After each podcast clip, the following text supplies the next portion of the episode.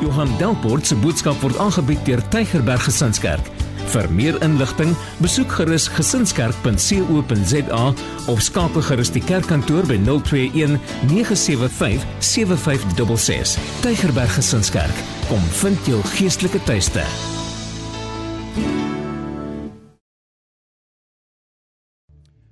Vader, ons kom in hierdie oggend en ons kom maak U naam groot. Here, baie keer dan beleef ons dat dinge baie de mekaar is. En Here, wanneer ons in hierdie wêreld besig is, dan beleef ons dat dinge baie stikkend is.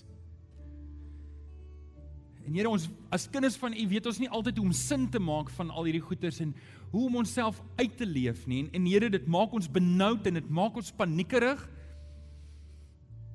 En Here, ons kan net by U kom rus. En kom vra vir 'n nuwe perspektief op hierdie lewe.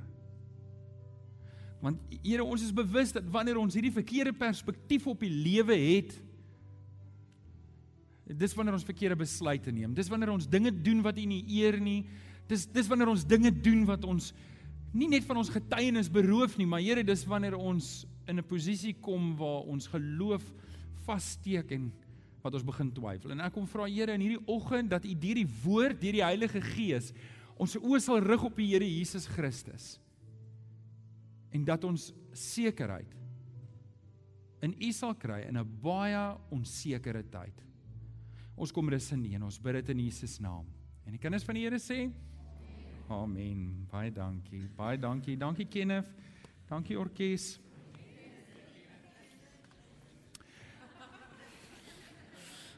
Dankie Corney. Dankie Kenneth dat jy vir Corney oplei. Corney, skud net my hand dan voel ek soos Kenneth. Ehm um, Wil net vra dat Rian en Alex so lank net voorkom staan, die manne gaan hulle moeg staan hier voor want ek is nog ver voordat ek by hulle kom. Maar kom, staan net hier bo by my asseblief. Kom ons staan op. Kom ons staan op en dan hou ons ons Bybels lekker hoog in die lug. Staan saam met my op. Hou jou Bybel lekker hoog in die lug. As jy nog nie die woorde ken nie, ek dink is op die bord. Sê lekker hard saam met my. Dit is my Bybel. Ek is wat dit sê ek is. Ek het wat dit sê ek het.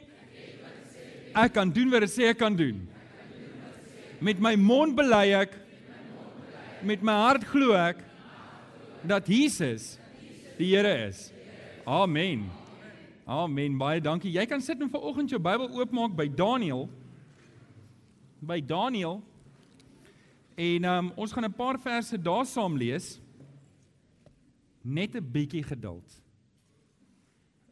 Partykeer gebruik die Here iemand in jou lewe om 'n ander vrug te ontwikkel? Ek soek net Daniël in die Bybel. OK. Daai vriend. Ehm um, Daniël 1 en ons gaan daar saam lees. Paar verse vanaf vers 1 Na aanleiding van die gebeure wat die week in ons land gebeur het, ehm um, het ek regtig gevoel dat ek my boodskap moet verander. My boodskap was klaar voorberei. Ek was die week in Johannesburg 'n bietjie in Standerton en uh Vrydag toe ek by die huis kom, was dit vir my baie lekker want ek kon my preek net deurgaan. Ek het nie hierdie hierdie druk van ek moet my preek klaarmaak nie. En Saterdagoggend toe ek in die stort is, toe voel ek regtig oortuig deur die Here dat ek 'n ander boodskap vanoggend moet preek. En uh en uh eers is dit hierdie onderhandeling met die Here sê Here nee maar ek het klaar goeie boodskap en ek is so opgewonde want julle weet ons was in die helfte van 'n boodskap. Julle onthou dit. Wie van julle was laasweek hier? Kyk net gou-gou. Alraight. So julle is julle is hier vir die ander helfte en ek is baie jammer. Ek het nie vanoggend vir julle ander helfte nie. So um dit kom eers oor uh oor 2 weke of oor 3 weke. Dis lekker vir my. Ek het klaar daai boodskap voorberei. So ek het 'n splinter nuwe boodskap en um toe ek vir Rian sê Rian ek is jammer um ek het weet ek het 'n nuwe raamwerk stuur dit maar deur. Toe bel hy my en hy sê vir my Johan ek is op pad. Dis nou gister in sy afdag. Dis kom maak hy print hy raamwerke. So ek wil net ek wil net vir Rian dankie sê. Ek wil net hê julle moet verstaan hierdie man was gister onder druk. Gee vir hom 'n lekker hande klap toe. Dankie Rian. OK jy kan nou gaan sit. Dankie Rian. Ek's klaar met jou. Dankie Rian. Um Ek weet dis 'n klomp van ons wat baie angstigheid beleef op hierdie stadium oor wat in ons land aangaan. Hier's 'n uh, klomp ander wat nou hier sit. Wat het gebeur? En uh, ja, die cheetahs het verloor, maar dis nie waar ek ver oggend wil praat nie. Sorry Alex. um ek wil begin hierdie storie. Alex, ons staan net hier langs my. Ek wil begin met 'n storie. Ek wil iets baie persoonlik van myself vir julle vertel voor ek praat oor angstigheid en voordat ek praat oor wat in ons land gebeur het die afgelope week en ons gaan kyk na die woord van die Here. Toe ons die gemeente begin het in um 2008, toe was al baie van die werk wat ek self moes doen. Wel ek het my skoonpa gehelp wat hel, wat wat my gehelp het en daar was 'n daar was 'n klein spannetjie om my wat my gehelp het, maar baie oggende het ek hier ingekom dan um, is daai kamer toegesluit en dit lyk soos 'n sjebien daar binnekant en dit ryk soos 'n sjebien hier binnekant. Dan moet daar skoon gemaak word want hier was 'n partytjie gewees die Saterdag aan. En uh, Alex sê gaan nou sien hoe kom staan jy hou net vas, staan net vas. Okay. En En nou, nou ek vertel julle iets baie persoonlik vir myself, iets wat ek iets wat ek dink 'n disposisie is waarna ek is en iets waarmee ek persoonlik sukkel en en ek kan onthou ek het ek het baie gesukkel. Op 'n Saterdagoggend dan begin ek benoud voel en ek begin uh een een een sonoggend 2 uur toe dog ek ek's besig om hartaanval te kry. En ek het ek het al vir jou die storie vertel. En ek en ek bel die Medikliniek Durban wil en ek sê vir hulle luister Hoe weet jy ek kry hartaanval? Hulle noem se vier goeters en ek sê ja ja ja ja ja. Okay, wat moet ek nou doen? Nee, hulle sê jy moet inkom. Ek sê hoe lank gaan ek daar wees? Hulle sê jy sal moet bly tot maandag toe. Ek sê okay, ek sal na kerk kom. maar wat my opgeval het vir daai 3 3 en 'n half jaar het ek het ek het ek angstigheid beleef tot op 'n sonoggend en dan na kerk dan is die angs weg of die hartaanval. Ek dink weet jy kry elke naweek 'n hartaanval en dan na kerk dan is ek reg en dan voel ek so opgewonde en En en en toe toe gaan sien ek 'n dokter wat in ons gemeente is en hy en hy sê vir my hoor jy kry angs, jy, jy kry angsaanvalle, dis wat besig is om te gebeur. En ek kon net nie oorwinning daaroor kry nie. En toe stuur die Here Alex oor my pad. En ek wil vir julle sê uh hierdie man het gemaak dat toe hy die diensspan by my oorneem, dis my angs weg. En ek oordryf nie, hulle daai volgende Sondag toe is daar nie meer angs op my nie. Ek kom nog steeds vroeg in die oggend. Ek dra nog steeds speakers. Maar net die wete dat hier's iemand wat die pad saam met my stap wat die werk doen. Um het vir my 'n groot verligting gebring. So ek wil net hê julle moet hoor wat die Here vir my gedoen het en ek ek wil ek wil hê julle moet verstaan wat agter die gordyne gebeur. En en dis wat die Here gedoen het. So Alex, ek sê dankie. Geef hom ook 'n lekker hande klap toe. Dankie. Dankie. Ek ek wou hierdie storie begin het mee want ek dink dis baie van ons wat angs beleef. Nou hier's hier seker een of twee of drie tipe mense hierso. En die eerste tipe ou is die ou wat net blaatant angs beleef. Hy sê: "O, jene, wat gaan nou gebeur? Um ons land het hierdie geweldige skommelinge deurgegaan en die rand is besig om te tuimel en alles is nou so die mekaar. Ek weet nie wie van julle voel so. Jy hier's onsekerheid van wat nou gebeur. Hier's 'n paar van julle wat net regtig niks weet nie en um dis dalk wat sê hulle wat sê wat sê Engelse gesegde, julle moet my vergewe. Ek praat net Engels in selfverdediging. Wat ignorance is bliss. Ek nie seker wat dit beteken maar ek dink as hier van toepassing. Jy weet net nie so wat jy nie weet nie pla jou nie en jy sit hier Okay, alright. Is dit alright, alright. En dan sien van julle wat regtig lief is vir die Here, naby aan die Here lewe en die goed sou jy onder normale omstandighede gepla het, maar omdat jy regtig vas is in die Here, pla dit jou nie so erg nie. En ek wil vir oggend met al drie van julle praat Die eerste groep wat nou angstig is, ek wil vir jou help om in die woord van die Here jou geloof vas te maak dat jy nie angstig sal wees nie, om daai angs aan te spreek. Ek wil vir jou help. En dalk is jy nie angstig oor die land nie, dalk is jy angstig oor jou werk, dalk is jy angstig op 'n ander plek in jou lewe, dalk in jou huwelik. Ek weet nie waar jy is nie, maar as jy 'n angstige tipe persoon is soos wat ek is, dan jy gedurig nodig om terug te kom in die woord van die Here om vas te anker om te sê, weet jy, die Here gaan my dra. Vir die tweede groep wat net glad nie worry nie en geen angs het nie. En dis nie omdat jy so geestelik is nie, is omdat jy net as 'n reël nie worry oor goed nie. Wie van julle is daar? Ek wil net kyk. Is daar 'n paar? Ah, hier's 'n paar hande wat opgaan. OK. Nou vir julle, ek wil vir jou vanoggend tools gee sodat as jy môre by die werk kom en daar's 'n ou wat so sy hele kaarte huis val in mekaar en dit lyk of sy prop uitgetrek is en al die water het uitgeloop. Ek wil vir jou iets gee op jou raamwerk dat jy 'n pad kan stap met daai en sê hoorie hoorie hoorie. Kom ek help jou net. Haal asem. Die van julle mans wat saam met julle vrouens na swangerskapklasse toe gaan, weet presies hoe om dit te doen. OK. Hier is waar daai um opleiding baie help. OK, vir die derde tipe persoon wat hier sit en sê maar ek is in die Here, wil ek jou sommer net aanmoedig en sê hoorie man, gaan aan met die Here. Gaan aan met die Here. Hou aan vas in die Here. Nou, ek wil vanoggend met julle praat uit Daniël uit. In die in die opskrif hier op die raamwerk sê jy sien is die Here wil vir ons help om sekerheid te beleef in 'n baie baie onsekere tyd. En um, ek gaan net 'n paar verse lees uit Daniël 1 uit en dan gaan ek rondspring in Daniël en ek wil jou mooi vra om tussen die lyne te lees ook saam met my. Daniël 1 vanaf vers 1. Julle moet maar vergewe as my stem wegraak. Ek het ek hou van die dieper stem want dit voel of ek met meer gesag praat. Maar dis nie die intensie nie. In die derde regeringsjaar van koning Jojakim van Juda het koning Nebukadneser van Babel teen Jerusalem opgetrek en dit beleer. Die Here, hoor mooi, lees mooi vers 2, ek wil hê jy moet dit lees, weer lees en laat dit insink. Die Here het vir koning Jojakim oorgegee in Nebukadneser se mag. Wie dit gedoen? Die Here. En ook 'n gedeelte van die tempelgereedskap en hy het dit na Sinar, na die tempel van sy God toe gevat en daar het hy dit in die voorraadkamer van die tempel van sy God gebeere. Die koning het vir Aspenas, sy hoofpaleisbeampte, sien nie bly het nie in daai tyd geleef nie en sê dalk een of ander snaakse naam soos Sigar of ehm um, iets gehad. Het beveel om uit die Israeliete jong manne na die paleis te bring uit die koninklike geslag en uit die geslag van vername mense. Die jong manne moes sonder liggaamsgebrek wees, mooi toegerus, met kennis, verstandig, bekwam en in staat wees om paleisdiens te doen. Hierdie was nie dom jong manne nie. Hierdie was mooi jong manne, was sterk jong manne. Was was was was jong manne wat goed gedoen het in hulle klas. Dit was waar waar's Andrei en Andrew staan net op dat die mense kan sien hoe lyk so 'n tipe jong man. Chris, Chris staan. Ja, hoorie, waar's die ouens met hulle sterk selfbeelde? Ek het nie 'n sterk spiere nie, maar ek het 'n sterk selfbeeld. Um dis die tipe jong manne wat hulle weggevoer het. En nou gaan ek net 'n bietjie vooruit hardop. Hulle het hulle ingebring in die koning se paleis en om seker te maak hulle hulle groei en hulle hulle word sterk, het die koning 'n deel van sy porsie van sy kos, sy vleis, sy wyn vir hulle gegee dat daar geen verskoning is dat hulle moes tingerig wees soos wat ek was op skool nie. En uh, so so wat toe gebeur is, daar was 3 jong manne spesifiek en julle moet my vergewe, ek noem die een se Hebreëse naam en die ander se um Arameese name want daai ander name is net te moeilik om uit te spreek, maar daar was Daniël en um Sadrag, Mesach en Abednego en hulle was ook van hierdie vier manne. En ons lees dat hierdie vier manne het gesê nee, ons sal nie van die wyn drink nie. Nee, ons sal nie van die koning se vleis eet nie want dis teen ons geloof. Dis teen ons wet. En hulle het nee gesê nie. En die koning se amptenaar het gesê, "Luister, hier is 'n probleem want as julle tingerig gaan wees, dan gaan my kop op die op die um blok wees. Ja.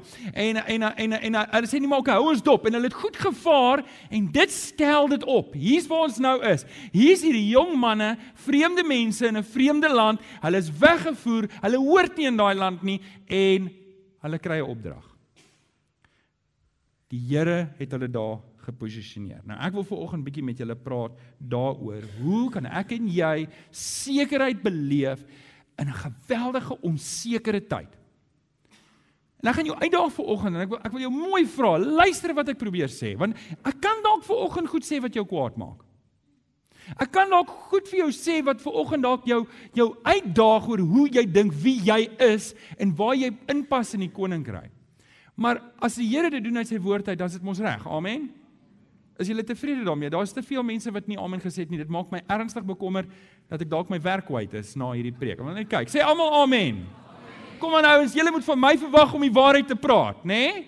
So ek moet dit doen en ek wil vir julle vanoggend kom aanmoedig. OK, so ek gaan vir julle ses woordvaste wenke gee wat vir jou kan aanmoedig om te staan in die Here in hierdie moeilike tyd. En kom ek sê vir julle, gaan dit moeiliker raak? Ek weet nie. Ek weet nie. Gaan dit dalk gaan dit oorwaai? Ek weet nie, maar dis nie die regte vraag wat ons moet vra nie en ek wil hê ons moet kyk na daai goed. Nommer 1 op jou raamwerk, skryf daar as jy nie omgee nie. Ons moenie ons burgerskap vergeet nie. Ons moenie ons burgerskap vergeet nie. So hierdie hierdie gebeure het so 605 voor Christus plaasgevind. Nebukadneser val val Jerusalem aan en dit was altyd die Here se manier om sy volk te straf. As hulle as die koning gesondig het en hy het afgode aanbid, dan maak God 'n plan om hulle te straf om dat hulle weer moet terugkom. Maar Daniël, die boek van Daniël fokus baie spesifiek op die geskiedenis rondom Daniël en die geskiedenis rondom sy vriende. Nou ek gaan nie baie praat oor Daniël nie. Ek wil fokus op Sadrag, Mesach en Abednego. Dis oor wie ek met julle wil praat vanoggend. En ehm um, wat met Daniël, Sadrag, Mesach en Abednego gebeur het omdat hulle so vinnig sterk geword het, omdat die Here vir hulle soveel guns gegee het, het Nebukadneser hulle aangestel om die hele provinsie van Babel te bestuur. Nou dis dis belangrik. Dis belangrik om te verstaan. Dit was nou die president van ehm um, ag die die die die die die burgemeester van Kaapstad. Dit was die premier van die Weselike provinsie en die tesourier. Net om vir julle te sê dat julle verstaan wie hierdie mense was. Dit was hoë en belangrike mense. Hulle het hulle het goeie salarisse gekry. Hulle was goed voorgesorg. Hulle was in die bestuur van die provinsie. En um, ek wil jou vra om die res van die gedeelte self te lees. Sal jy Daniël by die huis gaan lees? Sê asseblief mm. OK. In Daniël 2 vers 49 lees ons op versoek van Daniël het die koning vir Sadrag, Mesach en Abednego in beheer geplaas van die hele administrasie van die provinsie van Babel. Maar julle moet onthou alhoewel hulle hierdie hoë pos gehad het, was hulle nie burgers van daardie land nie. Waar was hulle burgerskap? Wie wil raai?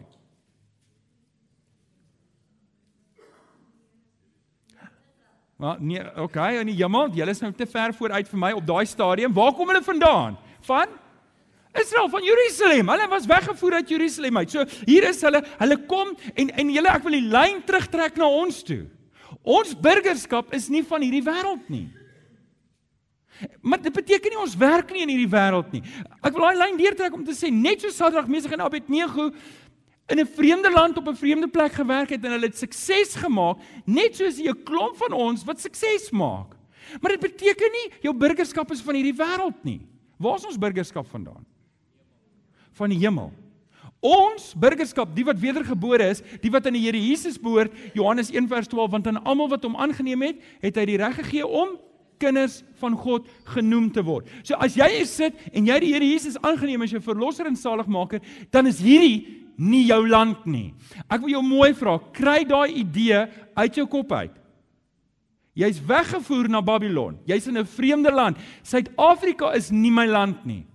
Ek is 'n vreemde persoon in 'n vreemde land. As jy wil, en nou wil ek eers kyk waar's my raamwerk. Skryf Filippense 3 vers 20 neer. Paulus maak dit duidelik. Julle burgerskap is nie van hierdie wêreld nie, maar van die hemel. En ons wag op die Here Jesus om ons te kom haal sodat ons daar kan wees. So hierdie is nie ons land nie. As jy dit iewers wil neerskryf, skryf dit neer. Ek hoor te veel Christene wat sê ons moet ons land terugvat. Wat beteken dit? Wat beteken dit ons moet ons land terugvat? Natuurlik hierdie wêreld behoort aan die Here. Maar daar's niks om terug te vat nie. Ons is vreemdelinge in hierdie land en en ons moet dit verstaan dat die koning kan besluite neem en en hy is die koning, nie ons nie. En en dit is belangrik dat al en ek wil vir julle ouens sê wat goed doen in besigheid en goed doen by werke wat nou ernstig bekommerd is, die rand het geval, wat gaan gebeur? Ek wil jou mooi vra om hieroor te dink.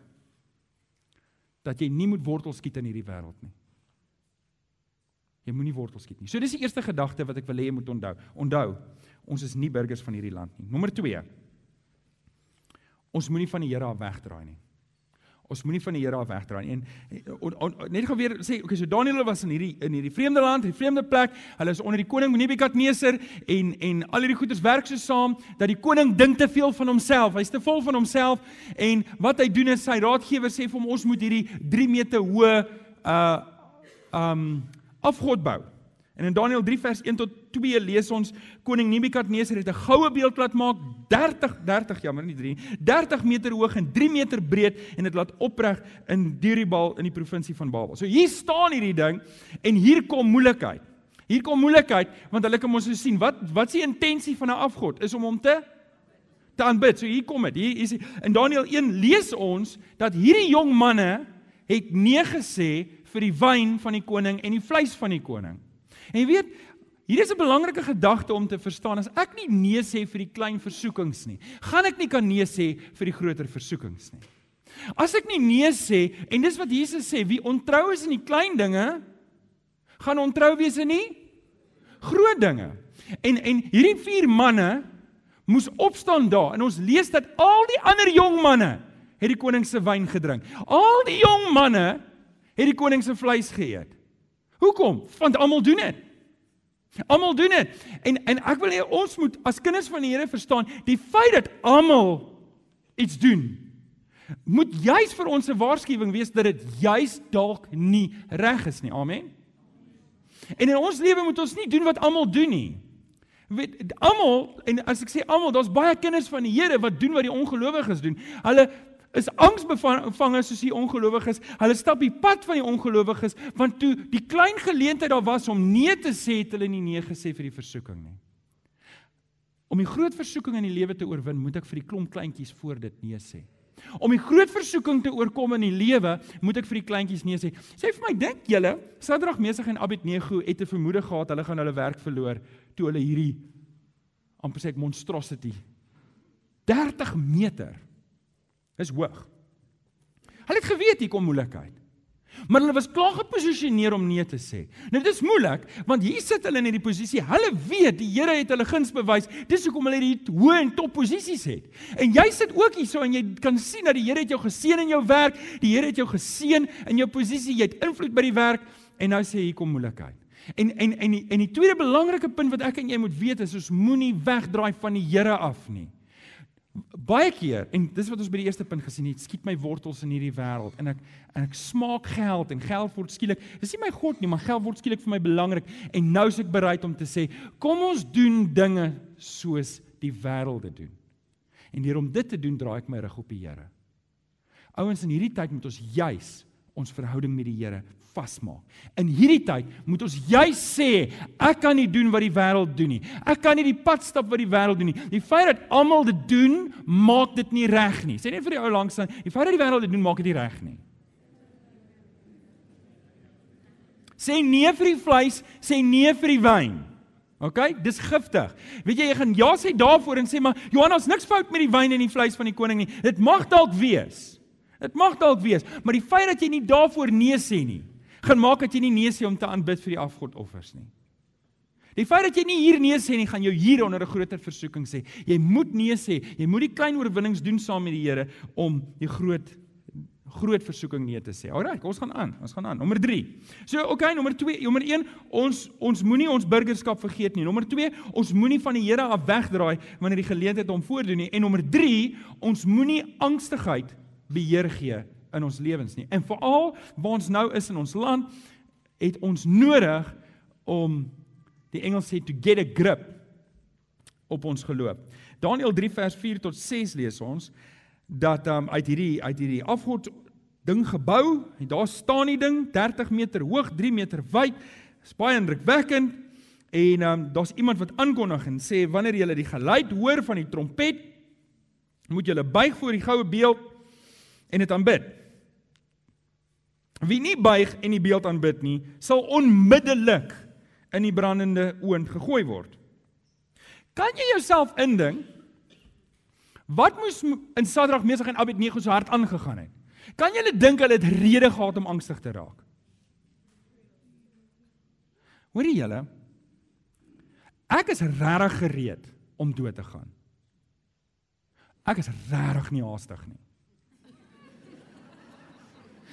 As ek in die kar klim, dan sit ek my veiligheidsgordel aan. Al ry ek nie, dit is al so spontaan in my, ek sit hom aan. Hoekom? Want ek wil nie seer kry nie. Ek sluit my deure as ek ry. Okay, deesdae sluit die deure hulle self. Want hoe weet jy hoekom? Want ek kom van Johannesburg af. As jy ietsie daar sluit nie word dit weg. OK, ek weet ek is in die Kaap, is al 10 jaar in die Kaap, maar dit groei nog nie op my nie. OK, ek doen goed aktief om dood te vermy. Kom aan, wie wie van julle doen dit ook? Wie sit hier so sussie? ek doen dit aktief om die dood te vermy. Maar hier's hierdie ouens, hulle is in 'n posisie wat hulle moet 'n besluit neem. Die koning doen dit nie teenoor hulle nie. Hy besef nog nie wat kom nie, maar eintlik wat dit beteken is, Sadrag, Mesach en Abednego gaan hulle geloof moet afsweer. Nie net om hulle werk te hou nie, maar om in die lewe te bly. Op hierdie punt wil ek vir jou vra, hoe ver sal jy gaan om jou pos huidige posisie te handhaaf? Die jong manne het toe die brood, toe die wyn en die vleis gekom het, het hulle dit gevat. Ons lees niks van hulle nie, maar ons lees ook nie hulle is doodgemaak nie. Ek lei af. Hulle het aanbid. Hoorie as jy in Rome is, maak jy soos die Romeine. As jy in Babylon is, maak jy soos die Babiloniërs. Jy jy aanbid maar hierdie afgode want jy sê, "Hey, hoor jy, ons lewe hang af en of ons kan altyd later jammer sê." Maar nie Daniël nie. Nie Sadrag, Mesach en Abednego nie. Hulle staan op. Nou okay, Daniël was nie op daai stadium in die provinsie nie. Dis hoekom jy nie nou lees van hom nie, net dat jy kennis neem want jy gaan nou sien hy's nie hier nie. En asseblief moenie dat die idee by jou opskep. O, hy het toe aanbid. Nee, hy het nie. Hy was nie hier nie. Hy was in die paleis. Hierdie was nou in die provinsie. Is jy by? Gaan lees die boek deur. Okay. So, maar wat ek wil hê, jy moenie laat angstigheid beet kry van jou nie.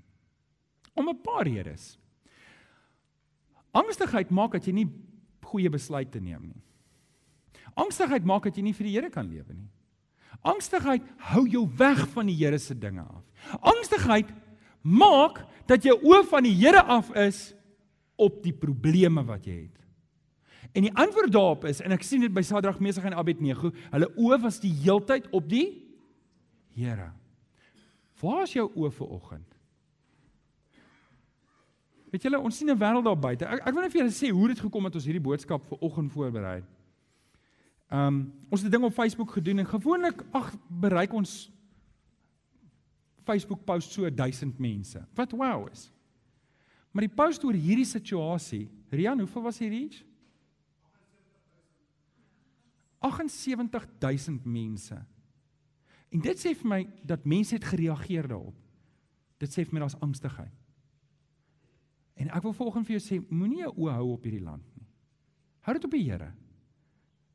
Kan ek vir julle sê, vir Sadrag Mesig en Abednego was dit die begin van 'n baie swaar pad. As jy reg is, kan ons aangaan. Alraai, dit was nommer 3, nommer 4. Nommer 4. Nommer 4 is die moeilike een nou, hoor. En ek ek sou versigtig, maar moenie uitloop nie, okay? Ons moenie begin haat nie. Ons moenie begin haat nie. Daniël 3 vers 13 lees ons iets en ek wil dit sê wat nie daar staan nie, maar ek wil hê julle moet dit hoor. Onthou nou, daar was toe net die trompetes geblaas, die satires gespeel, hange waar jy was, het nou gesê, jy weet, daar was nou verskillende instrumente wat op spesifieke plekke gestaan het en dit is soos merke gereed en dan speel hulle. En dan moes almal daar waar hulle is. Ek dink die koning het het 'n baie vreemde sin vir humor gehad. Dit was so half en half ons gaan dit kom ons vang hulle uit. Wat doen hulle nou? O, daar doen. Speel hom nou. Dan moet almal nou daar buig en dan bid vir die beeld waar hulle is. Moet hulle in die rigting van die beeld aanbid. Dit was 'n baie vreemde idee. Um wat hulle net in daai tyd mee kon wegkom. So en wat toe gebeur is almal buig toe toe die ding speel, maar hierdie drie manne, hulle doen toe nou nie. Hulle gaan aan met hulle werk. Want dis mos nie hulle god daai nie. En en en daar's toe galdeers wat hulle gaan aankla het. Weet jy, soos klikkie back, jy onthou. Klikkie back, klikkie back. Hang 'n blikkie om jou nek klim oor die hek, breek jou nek, sê vir jou ma, dis ek, het julle dit nie gesing nie? Ons sal 'n bietjie kultuurklasse moet aanbied. So nou Daniël 3 vers 13 lees ons toe het Nebukadneser woedend geword en vir Sadrag Mesig en Abednego laat kom. Die manne is voor die koning gebring en Nebukadneser het vir hulle gesê: "Is dit waar, Sadrag, Mesig en Abednego, dat julle my God nie dien nie?" Die goue beeld wat ek laat oprig het en dierste nie wil aanbied nie. Nou ek wil net hê julle moet hoor, daar was nie 'n rebelsheid in hierdie drie jong manne nie. Daar was nie 'n aggressiwiteit teenoor hierdie drie jong manne nie. Toe toe die koning hulle inroep was hulle gereed om die prys te betaal wat ook al die koning sê. Moet ons ons werk verloor, moet ons nie vuur ingaan, maak nie saak waar nie. En hulle hulle het nie geskreeu nie. Hulle het nie beledig nie. Hulle het nie na die tyd by die braaivleisvuur gaan staan en gesê die koning is so onredelik en hy doen al hierdie goed en hy's so selfsugtig en hy hy het nie dit hulle doen nie dit nie. Hulle doen nie dit nie. Uh om die waarheid te sê, ons lees nêrens dat hulle woedend of kwaad was nie. En dis iets wat ons sien Onthou nou as jy weet hierdie is nie jou land nie, as jy kan jou losmaak van Suid-Afrika en sê Suid-Afrika is nie my land nie. Daar's net een manier. Hoor gou mooi, daar's net een manier dat Suid-Afrika jou land kan wees. Wie wil raai vat? Jy moet 'n ongelowige wees. Die Here laat nie dubbele burgerskap toe nie. Skryf dit asseblief iewers. Jy weet daar's baie lande wat nie dubbele burgerskap. Jy kan nie by hierdie land en by daai. Ek dink Suid-Afrika is een van hulle nie waar nie. Wie kan vir my help? Wie wie's expats? Kan, kan jy in twee lande kan jy? Dis jammer. Ek weet dit was nie so nie want dan my preek en so so handskoen gepas. Okay, maar dit doen nou nie, maar verbeel jouself maar. Alraai, so jy kan die hemel laat nie dubbele burgerskap toelaat nie. Laat dit nie toe nie. Ek en jy's of 'n burger van hierdie wêreld of ons is 'n burger by God. Daar's net een manier hoe ek 'n burger van Suid-Afrika kan wees en dit is as ek nie 'n burger by die Here is nie. Hierdie is nie my en jou land nie. En die koning van hierdie land kan doen wat hy goed dink. Dit het niks met my te doen nie. Ek hou my oop op die Here. Amen. OK. Die amens raak min. Ek raak bekommerd, maar nog niemand het opgestaan uitloop nie. Dit raak erger, dit raak erger. Romeine 12 vers 14 sê seën julle vervolgers. Daar's hy. Nou is ek klaar met dit. seën hulle, moenie hulle vloek nie. Wees lief vir hulle, moet hulle haat nie. Dis wat die Here vir my en jou verwag. om die mense lief te hê, om die regerders lief te hê, om te vir hulle te bid en en en ja, Rickert het daaroor gepreek, julle onthou, om hulle te respekteer. Nou dis moeilik, maar ons moet dit doen in die Here. Amen. Nou wil ek gou ietsie aanraak wat nie in Daniël se geval is nie, maar ehm um, en dit is 'n ding wat baie moeilik is in ons land. En ek wil ek wil dit baie duidelik maak en ek wil dit ek wil hê en weet julle as dit 50% van ons gemeente kos dan dan's dit reg so. Dan sal ek by die Here rus daar. Rasisme. 'n Kind van die Here kan nie rassisties wees nie. Luister ouens, ek en jy kan nie neerhalend praat omdat iemand 'n ander taal of 'n ander kleur of 'n ander Ons kan nie. Dis sonde. Dis 'n sonde waarvan ek moet bekeer. Hoe kan ek met die een mond iemand beledig en nou nou wil ek hom van die Here vertel? Hoe kan ek hoe kan ek myself hooghartig hou en sê weet ek is iets, hoor julle, ek is niks. Ek is niks. Ek is net wat die Here my gemaak het. Amen. Weet julle daar's 'n belangrike vers in 1 Korintiërs 12 vers 13 kom dit op basies neer daar's twee tipes mense in die wêreld. Wil julle raai? Daar's gereddes en ongereddes, kinders van die Here en nie kinders van die Here. Daar's nie meer Jood nie, daar's nie meer Griek nie, daar's nie meer slaaf nie, daar's nie meer vry nie, daar's nie meer wit nie, daar's nie meer swart nie. Ek wil hê jy moet na jouself kyk. Eerstens, hoorie nou, dis nie 'n lekker boodskap om te breek nie, maar jy's nie 'n burger van hierdie land nie. OK, in die vlees is jy, maar dis nie jou land nie, dis nie my land nie. So jy's nie meer 'n burger van hierdie land nie en jy's nie meer wit of swart nie. Jy's 'n kind van die Here. Kan jy saam met my stem die hoogste roeping wat jy kan hê is om 'n kind van die Here te wees? Stem mee saam. Ouens. Omdat jy asfaal is terwyl jy vir jouself in die spieël kyk. Omdat ek asfaal en blekerig is. Hoe kan dit my nou help om 'n beter mens te wees? Stem mee saam, dit maak nie sin nie.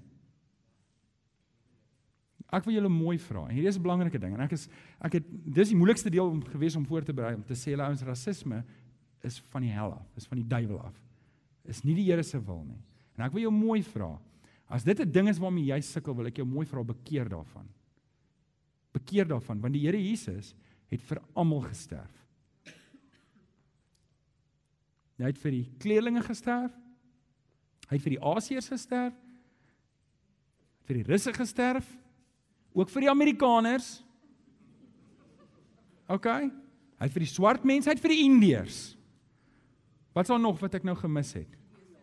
Die Portugese, die Japaneese en al die ander neuse. Wat nog? Die Koreane. En die Arabiere. En vir die Sirius, die Pakistanies. Wie is daar nog? Wil iemand sê Chinese, ons het al die neuse nou, ja. OK? Die Duitsers. OK? Hoorie, jy kan nie iemand wen vir die Here as jy hom nie liefhet nie. En 'n ding wat ek sien onder Christene is nie net rasisme nie, is maar hulle haat moslems. Hulle haat moslems. Vir een of ander rede lyk like dit vir my Christene het die reg voorbehou om lief te hê wie hulle wil. Hulle kan moslems haat. Weet jy, jy's alles wat ontken. Jy sê vir sê, hoorie, maar dit wat jy klink klink vir my soos haatspraak. Nee nee nee, ek praat net die waarheid. Julle die Here het ons nie geroep om mense te oordeel nie. Ons moet mense lief hê. Jy kan nie iemand wen vir die Here as jy nie lief is vir hom nie. Okay, so ouens, kan ek kan ek van hierdie punt af stap? Ek wil ek wil jou mooi vra. As jy sukkel met rasisme, wil ek jou mooi vra, gaan na die Here toe. Bekeer van dit. Dis nie mooi vir die Here nie. En ouens, ek weet as my pa vanoggend hier was, hy baie gesukkel voor die Here om verander het. Ek moet julle 'n kort storie vertel. Maar as hy hier sit, toe hy net op 'n keer gekom het, sou hy nou uitgestap het. So ek sê net vir julle dankie dat julle bly sit het. OK, ek is net te dankbaar daarvoor. Maar my pa Hy was maar 'n erger rasis gewees en dit het my 'n weerstand aangegee. Ek haat rasisme. Ek pes dit met alles wat in my is. OK? Want dit is nie wat die Here wil hê nie. Dit breek ons getuienis af. En weet jy wat? Die feit dat daar so baie Christene is wat wat rassisties is, maak my werk moeilik want wanneer ek met iemand praat en ek wil met hom praat oor die Here, dan is die deur toe want ja, julle wit is rassisties. En so ja, maar daar's ander mense wat ook rassisties. Dit maak nie saak nie. Ons mag nie wees nie. Ons kan nie sê maar omdat daai ou is, dit klink soos graad 2. Ja, maar juffrou, hy het en daarom het ek. Soos juffrou ja, maar hy het eers teruggeslaan. Ja, weet dit. Ja. OK. Julle hoor ek tippie toe man, hè? OK. Kan ons dit nog moeiliker maak? Okay, so is dit 'n rassiste ding agter die ding. En net net dit sê my pa het by spoorweg gewerk en met die 1994 ding was dit groot stories. So, dit was groot stories en hy het swaar gekry. En uh, eendag bel hy vir my, ek was besig om uh, was in Bloemfontein, bel hy my Johan, jy moet asseblief kom eet, bring jou vrou saam, bring netjies se klere saam want my hoof gaan saam eet. En uh ag, was seker, ek weet nie wat sy naam was nie, maar toe was dit 'n swart man wat net so mooi kind van die Here is soos ek en jy. En die vreemdste ding is wat my pa meneer noem. Meneer, ja, meneer, hier sit ons om tafel. Daar sit 'n swart man wat die Here liefhet soos ek. En my pa meneer hom en toe weet ek die Here het my pa se hart verander. En ek wil vir jou sê, as die Here my pa se hart verander, kan hy jou hart ook verander. Dis net 'n uitdaging. OK. Alraai. Nou Daniel, dis nou 'n volgende storie. Nou julle moet verstaan, hulle was 'n redelike tyd in Babelonie. Hulle was nie 'n kort tyd daar nie.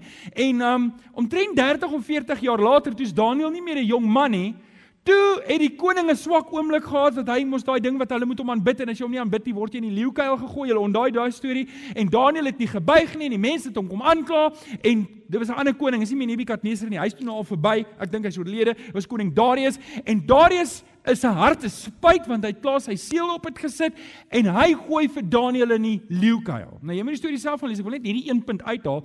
En die koning was baie spyt en dink julle Daniel het rede gehad om kwaad te wees? Wel, het 'n vleeslike oogpunt. Ja, hy was kwaad want want hy het doen sy werk goed en hy het 'n goeie verhouding met die koning. En nou die koning hom in die leeukuil gooi. Wat 'n tipe vriende is dit nou? En weet julle, alhoewel hy al die reg gehad het om daar kwaad te wees met 'n vleeslike oogpunt, toe hulle die klip van die gat afrol. Weet jy wat s'ie woorde wat Daniël vir die koning sê? Nou jouself kyk. Hy sê sien, dis as jy nou van jou notas af weggaan. Lank lewe die koning. Verbeel jouself jy kom Saterdag of Vrydagoggend by die kantoor en jy sê lank lewe die president.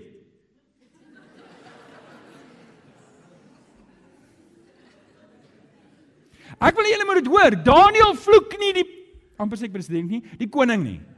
Hy is nie kwaad vir die koning nie. Het die koning 'n flater begaan? Wel? OK, maar het hy oordeel? Het hy haat? Het hy kwaad? Beskinnery, beswaddery, hoor julle ouens, geen negatiewe of afbreekende woord mag ooit uit 'n kind van die Here se mond uitkom nie. Wanneer ek en jy kritiek gee, wanneer Alex my kritiek gee en hy sê vir my Johan, ek dink hier's 'n fout, kom ons maak so, dan gee hy dit vir my in persoon en die rede is om my op te bou in Christus. Wanneer daar woorde by my mond uitkom wat niemand kan opbou in Christus nie, dan mag ek dit nooit sê nie. Amen. Ons mag nie teen die president praat nie. Ons is nie 'n burger van hierdie wêreld nie. Ons beklee poste, maar dis nie ons roeping nie. OK. Ek moet aangaan. Jy kan sien vandag se boodskap is 'n tisseltjie langer.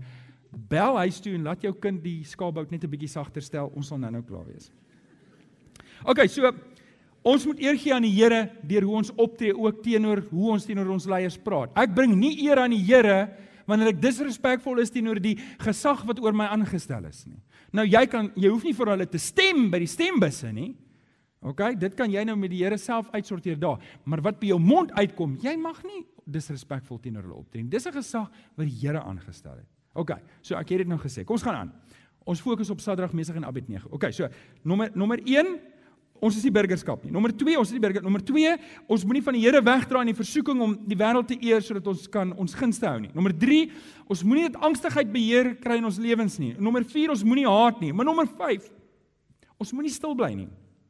Ons moenie stil bly nie. In uh, Daniël 3 vers 16 staan daar Sadrag, Mesach en Abednego. Die koning het hulle toe nou laat inroep. Hy was mos nou woedend en koning Nebukadneser het toe vir hom geantwoord want hulle het, het mos hom gevra, "Nou, hoekom wil julle dit nou nie doen nie?" Hy sê, "Ons hoef nie te antwoord hierop nie.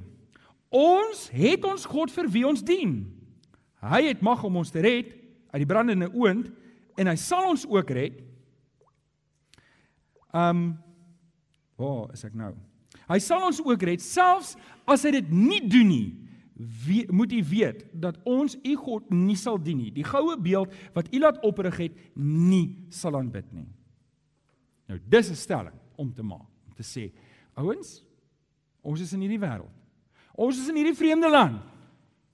En ons word gedwing om hierdie afgod te aanbid. Ek kan dink hoe Sadrag, Mesach en Abednego met mekaar gepraat het, maar julle, ons is nou in die moeilikheid en ons moet vir mekaar sê, is ons regtig kinders van die Allerhoogste? Ja, want dan dan moet hy ons maar brand. Hoor hoor wat sê hulle? Hulle sê luister, luister koning, ons wil hê jy moet mooi hoor. Ons respekteer die gesag, ons respekteer alles wat jy doen, is fyn. Maar ons kan nie die God aanbid wat jy gemaak het nie, want ons het ons eie God. As U ons dan in die vuuroond wil gooi, wil ons hê jy moet hoor, ons God kan ons uit jou hande uitred. Hy kan ons uit die vuuroond uitred, maar al sal hy ons nie red nie, sal ons die God nie aanbid nie. Ek dink daar's daar's daar's baie diepte in wat hier gestaan word. En sien, hier is 'n laaste kans wat die koning vir hulle gee. Hier is 'n laaste kans wat hy vir hulle sê. Hy sê vir hulle, "Oké, okay, ek gee julle 'n laaste kans." Is dit nie so dat die versoeker partykeer nog 'n keer na ons toe kom en sê, "Kom aan, hierdie is jou laaste kans. Gryp dit aan." En selfs die laaste kans is nee. Ek is 'n kind van die Here. Ek staan in die Here. Job 1:21 sê die mooi woorde: Die Here het gegee, die Here het geneem. Prys die naam van die Here. Hoorie, as die Here jou guns gegee het en jou besigheid het goed gedoen tot nou toe en jou besigheid is gebou en jy moet dit verloor, dan moet jy saam met Sadrag, Mesig en Abednego staan om te sê ek sal die Here dien, nie net in die goeie nie, maar ook in die slegte. Nou as die Here vir jou 'n geleentheid gee om land uit te gaan en dis wat jy voel die Here lei jou om te doen, dan moet jy doodseker maak van jou roeping. Dat dit nie 'n weghardloop is nie, maar dat dit te gaan na is. Maar as jy saam met my hier bly en jy sê ons sal die kersse doodblaas, dan met Eskom weer krag gekry, dan blaas ons die kersse dood en ons sal hier ons getuies wees. sien, dit is die ding om nie stil te bly nie. Want sien terwyl die wêreld daar buite kan rondhardloop soos afkophoenders, ongelukkig baie Christene ook. Baie Christene spandeer meer tyd in die koerant as in die woord. Baie Christene spandeer meer tyd op Facebook en op Twitter om dalk goeders te sê en goeders te doen as wat hulle in die woord van die Here spandeer. Het jy dit al gesien? En dis hoekom hulle so angstig is. Ek en jy iewers moet die wêreld sien hoe lyk dit as iemand aan die Here vashou. Nou hoor gou hierso. Dink julle Sadrag, Mesig en Abednego het 'n stelling gemaak deur om te staan? Wie gaan die stelling vandag maak? As ek by die braaivleisvuur staan en ek is die een wat die mooiste grappies vertel, oor ons president. Of ek is die een wat die nuutste stories het om te vertel. Hoe straal ek Christus uit? Hoe straal ek Christus? Hoe lyk ek anders? As ek paniekerig is en angsbevange is omdat die rand en die aandele en die eiendomspryse en alles val en ek lyk of ek myself nie, watse getuienis het ek na buite? Stem julle saam? Ons moet stelling insit en ons moet getuig. Ons moet stelling eh, inneem en ons moet getuig. Daarom kan ons nie stil bly nie. In 1 Petrus 3 vers 15 staan daar: "Wees altyd gereed om 'n antwoord te gee aan elkeen wat van julle 'n verduideliking eis oor die hoop wat julle in hierdie lewe het." This is, hoor gou mooi. Wat is vandag se datum? 2 April 2017. This is our time to shine. Kan julle onthou wat het in Daniël 1 vers 2 gestaan?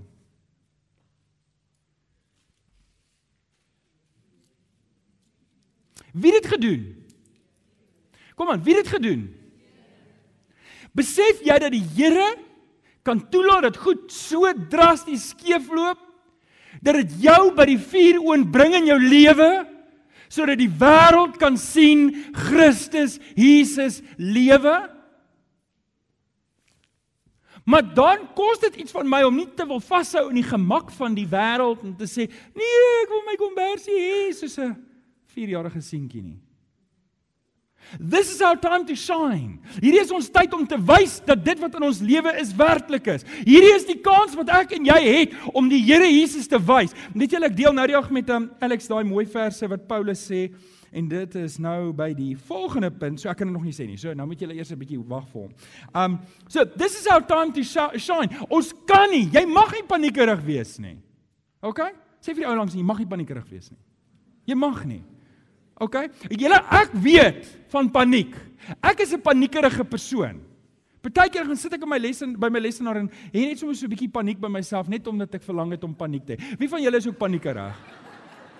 OK. Man, ek hoor 'n storie dan raak ek paniek. My vrou is so kalm en dan partykeer dan raas ek met haar. Hoekom is jy so kalm? Raak 'n bietjie paniekerig. Dit was as sy sê so, ek wil nie nou met jou praat nie. Okay, nee, ons mag nie. Ons mag nie. Ons mag nie. Dan moet dit moet wys dat die Here Jesus in ons lewens is. Okay, nou kom ek by die laaste een. Nommer 6. Ons moenie aan God twyfel nie. Ons moenie aan God twyfel nie. Vers 19. Toe het Nebukadneser wit geword van die woede vir Sadrag, Mesach en Abednego en opdrag gegee dat die oond 7 maal warmer gemaak word as gewoonlik. Nou oké, okay, voordat ons vers 24 lees, wil ek net hê julle moet nou verstaan wat hier gebeur. Hier is die vier oond, nê? Nee, en hulle wil nou hulle hulle het vir Sadrag, Mesach en Abednego geboei en hulle wil hulle nou van bo af in die vier oond ingooi. OK? Hy hulle het die oond so warm gemaak dat die manne wat hulle moes ingooi doodgebrand het. Dis hoe warm dit geword het. So julle verstaan, dit was nie dit was nie hoor, dit was nie 'n houtskool braai wat jy in Johannesburg kry. Dit was 'n wat Karoo kraans doringboom vol vuur daai gewees. Dit was dit was 'n vuur, dit was 'n brandende vuur daai. En dan gooi hulle toe in en ons lees in vers 24, toe het koning Nebukadneser verskrik geword en haastig opgestaan en het sy raadsmanne toegespreek en gesê: "Het ons nie drie manne geboeid binne in die vuur gegooi nie?" Hulle antwoord en sê koning: "Sekerlik o koning, ons het." Nou kan ek vers 25 in die New King James Version lees. Kan ek? Want hy sê dit die mooiste. Maar julle weet nou ek praat nou nie Engels as eerste taal nie, ook nie as tweede taal nie, ook nie as derde taal nie. So vergewe maar die uitsprake. So nou sê die koning in die New King James Version, "Look," he answered. "I see four men loose walking in the midst of the fire, and they are not hurt. And from the fourth the fourth one is like the son of God." Hier is die probleem wat ons het. Ons hou te vroeg op kyk na die Here. Ons wil hê die Here moet ons red terwyl ons in ons goeie posisie is by die werk met ons vet salaris check met die lekker kar en nou wil ons sê die Here moet dan moet dit moet in die koerant wees en dan moet dit net so so so regkom. Is dit nie lekker wees? Wie van julle sê is dit? Kan iemand nie net weet goed verander en alles alles reg en sê, "Sjoe, kyk ons het ons getuienis uitgeleef nie." Nee, dis nie hoe die Here dit maak nie. Die Here laat dit toe dat hulle kom tot by die vuuroond. Wie van julle sou 'n bietjie teleurgesteld gewees het daai oomblik as hy sê, "Ora, hier is dit nou, hier gaan dit." Sjoe. Ja, die Here het ons nou in die steek gelaat kyk hierso, ons gaan nou vuur oond toe. Weet, weet met ander woorde ek sou gou kyk tot by die vuur oond. Daar brand die vuur. Ek het 'n vriendjie ek het, ek het nou op ons 40 days het ons het 'n vriend gehad wat nie 'n matriek was nie. Hy het baie pak gekry daai dag. Hy het die maksimum pak gekry. Ons daai tyd ons lyfstraf gekry omdat hulle die mense met nat toiletpapier gegooi het. En ek het nou net gebid, Here laat die wegraping plaasvind asseblief. En vir die wat julle nie in die wegraping glo nie, sal dalk dan begin bid dat dit waar moes wees. nou ek het dit gesê, Dis nie wat gebeur nie. Die Here keer nie die storie nie. Hulle gaan vuuroond toe. En dis die vers wat ek met Alex gedeel het nou die dag. Rukkie terug. In 2 Korintiërs 2 vers 15 staan daar: Ons word soos wierook gebrand vir Christus. Ons word soos wierook gebrand vir Christus. Ek wil jou vra, As jy weet dat hierdie ongemaklike situasie waarin jy nou is. As dit kan as die Here dit kan gebruik om iemand te red, sal jy deur dit gaan.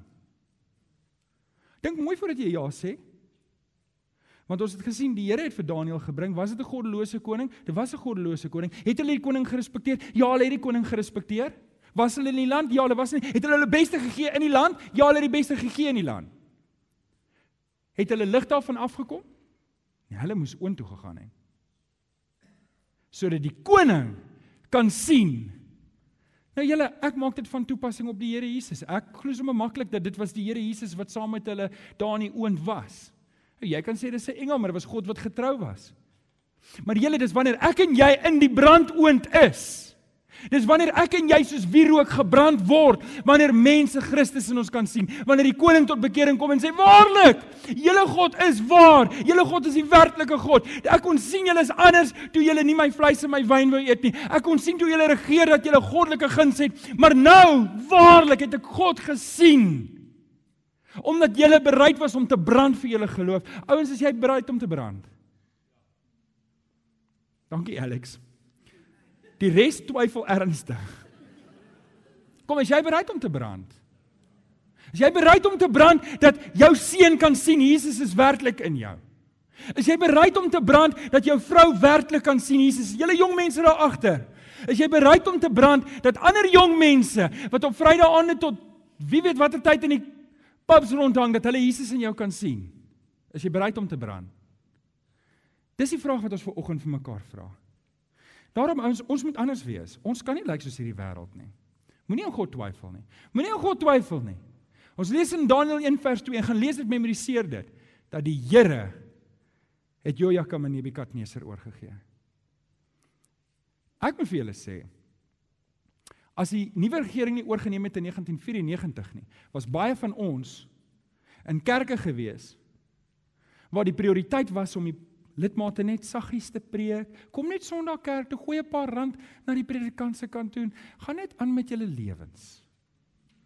Gaan net aan. Ek kan onthou, my pa was glad nie 'n kind van die Here nie. Hy was ver weg van die Here af. Hy was ouderling. Julle ons sou daar gewees het.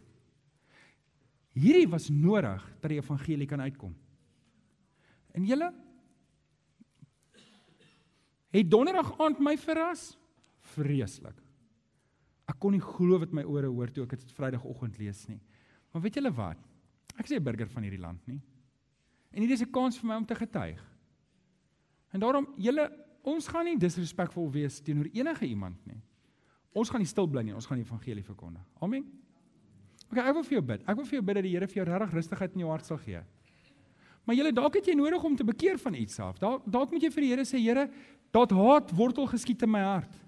Dat woede opgeskiet my hart en ek wil vir jou vanoggend vra, het jy nie dalk nodig om te bekeer daarvan nie? Het jy nie dalk nodig om te sê, Here, ek is jammer, want hierdie gesindheid wat ek het teenoor die mense om my, hierdie gesindheid wat ek het teenoor die leiers in ons land, het het maak dat ek nie die evangelie kan. Dit maak dat ek nie Jesus wys vir die mense om my. Dit maak dat my kinders nie Jesus in my sien wanneer ek ry nie. Dit maak dat dat my dat my vrou of my man nie Jesus in my kan sien. Maak dat die mense by die werk, die mense by my kerk, die mense waar ek beweeg, dit maak dat ek nie het jy iets vir oggend om van te bekeer?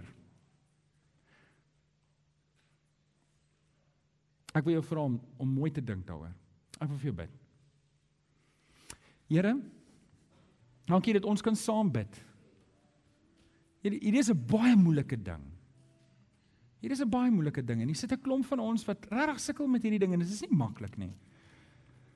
Maar Here, ek kom vra vir oggend dat U deur die woord in ons harte sal werk en ons kom oortuig deur die Gees dat ons sal verstaan ons kan nie die Here Jesus uitleef as daar haat in ons harte is nie. En Here, dit sit ons in so 'n moeilike posisie want in ons in ons in ons vlees is ons deel van 'n kultuur. In ons vlees is ons deel van 'n geskiedenis. En dit dikteer amper hoe ek moet optree. Maar Here kom bevry ons ver oggend in Christus dat ek hierdie burgerskap sal afsê. Sy sê maar my burgerskap is in die hemel, ek tree anders op. Dalk het jy ver oggend 'n behoefte om te reageer om te sê ek het nodig om afstand te doen van my ou burgerskap. Ek het dalk nodig ver oggend om afstand te doen van die eienaarskap van hierdie land en van die vlees. En dis nie dat jy nie 'n kind van die Here is nie, dat jy jy het nog net nie opgestaan teen dit nie. Wil ek jou ver oggend 'n geleentheid gee as jy wil sê ek's klaar met my ou burgerskap. Ek wil burger wees by die Here en ek doen afstand. Wil ek jou geleentheid gee en dit is moeilik, maar staan op waar jy is en sê ek maak klaar. Ek maak klaar met my ou burgerskap. Dit is verby. Ek is klaar met ek hier is nie my land nie. Ek gaan hier lewe vir die Here. Maar dis nie my burgerskap nie. My burgerskap in die hemel omdat ek vashou in hierdie land is 'n haat baie keer in my lewe. Omdat ek vashou in hierdie land dan fokus ek op die verkeerde dinge en dit bring slegte dinge uit my uit en nie, en nie is die wortel van my probleem. Ek wil Christus uitleef. Is daar nog iemand wat wil staan? Ek weet, julle ouens, ek weet vir 'n paar van julle wat staan is dit moeilik want want jy moet afstand doen van 'n groot deel van jouself. Maar jy sal nie spyt wees as jy sê, Here, dit maak jou vry. Is daar nog iemand wat wou staan? Kyk, ek bid vir julle wat staan. Here, jy sien hierdie manne en vroue wat staan. En Here, ek ek ek weet hier's 'n klomp manne en vroue wat sit wat reeds hierdie oorwinning gekry het. En ek kom sê dankie Here dat U vir hulle hierdie oorwinning gegee het. Maar Here, wat ek nie weet nie is hoeveel sit hierso wat nog steeds worstel met daardie ding en ek wil kom bid dat U vir hulle ook die oorwinning sal gee. Maar ek kom bid Here vir almal wat hier staan wat op een of ander manier nog moet afstand doen van hulle burgerskap in hierdie wêreld. dat U vir hulle sal kom wys om 'n oorgawe te maak aan die Here Jesus. Om Christus aan te neem sodat hulle werklik kinders van God kan wees. Ons dankie daarvoor en ons bid dit in Jesus naam. En die kinders van die Here sê Amen. Amen. Dankie. Kom ons staan. Kom ons staan en sing ons saam met Corneille hulle die um, die laaste lied. Ek wil die Here loof en ek dink daar's rede. Daar's rede om die Here te loof want um, ons is vry. Amen. Ons is vry en ons het iets om oor bly te wees. So kom ons loof die Here. Dankie Corneille. Baie dankie dat jy na hierdie boodskap geluister het. Ons glo dat elke gelowige binne die konteks van 'n gemeente behoort te groei. Indien jy nog nie by 'n gemeente ingeskakel is nie, kom besoek ons gerus hierdie Sondag by Laerskool Jean Louw se skoolsaal, Tulipstraat, Amanda Glen, Durbanville. Tygerberg Gesinskerk. Kom vind jou geestelike tuiste.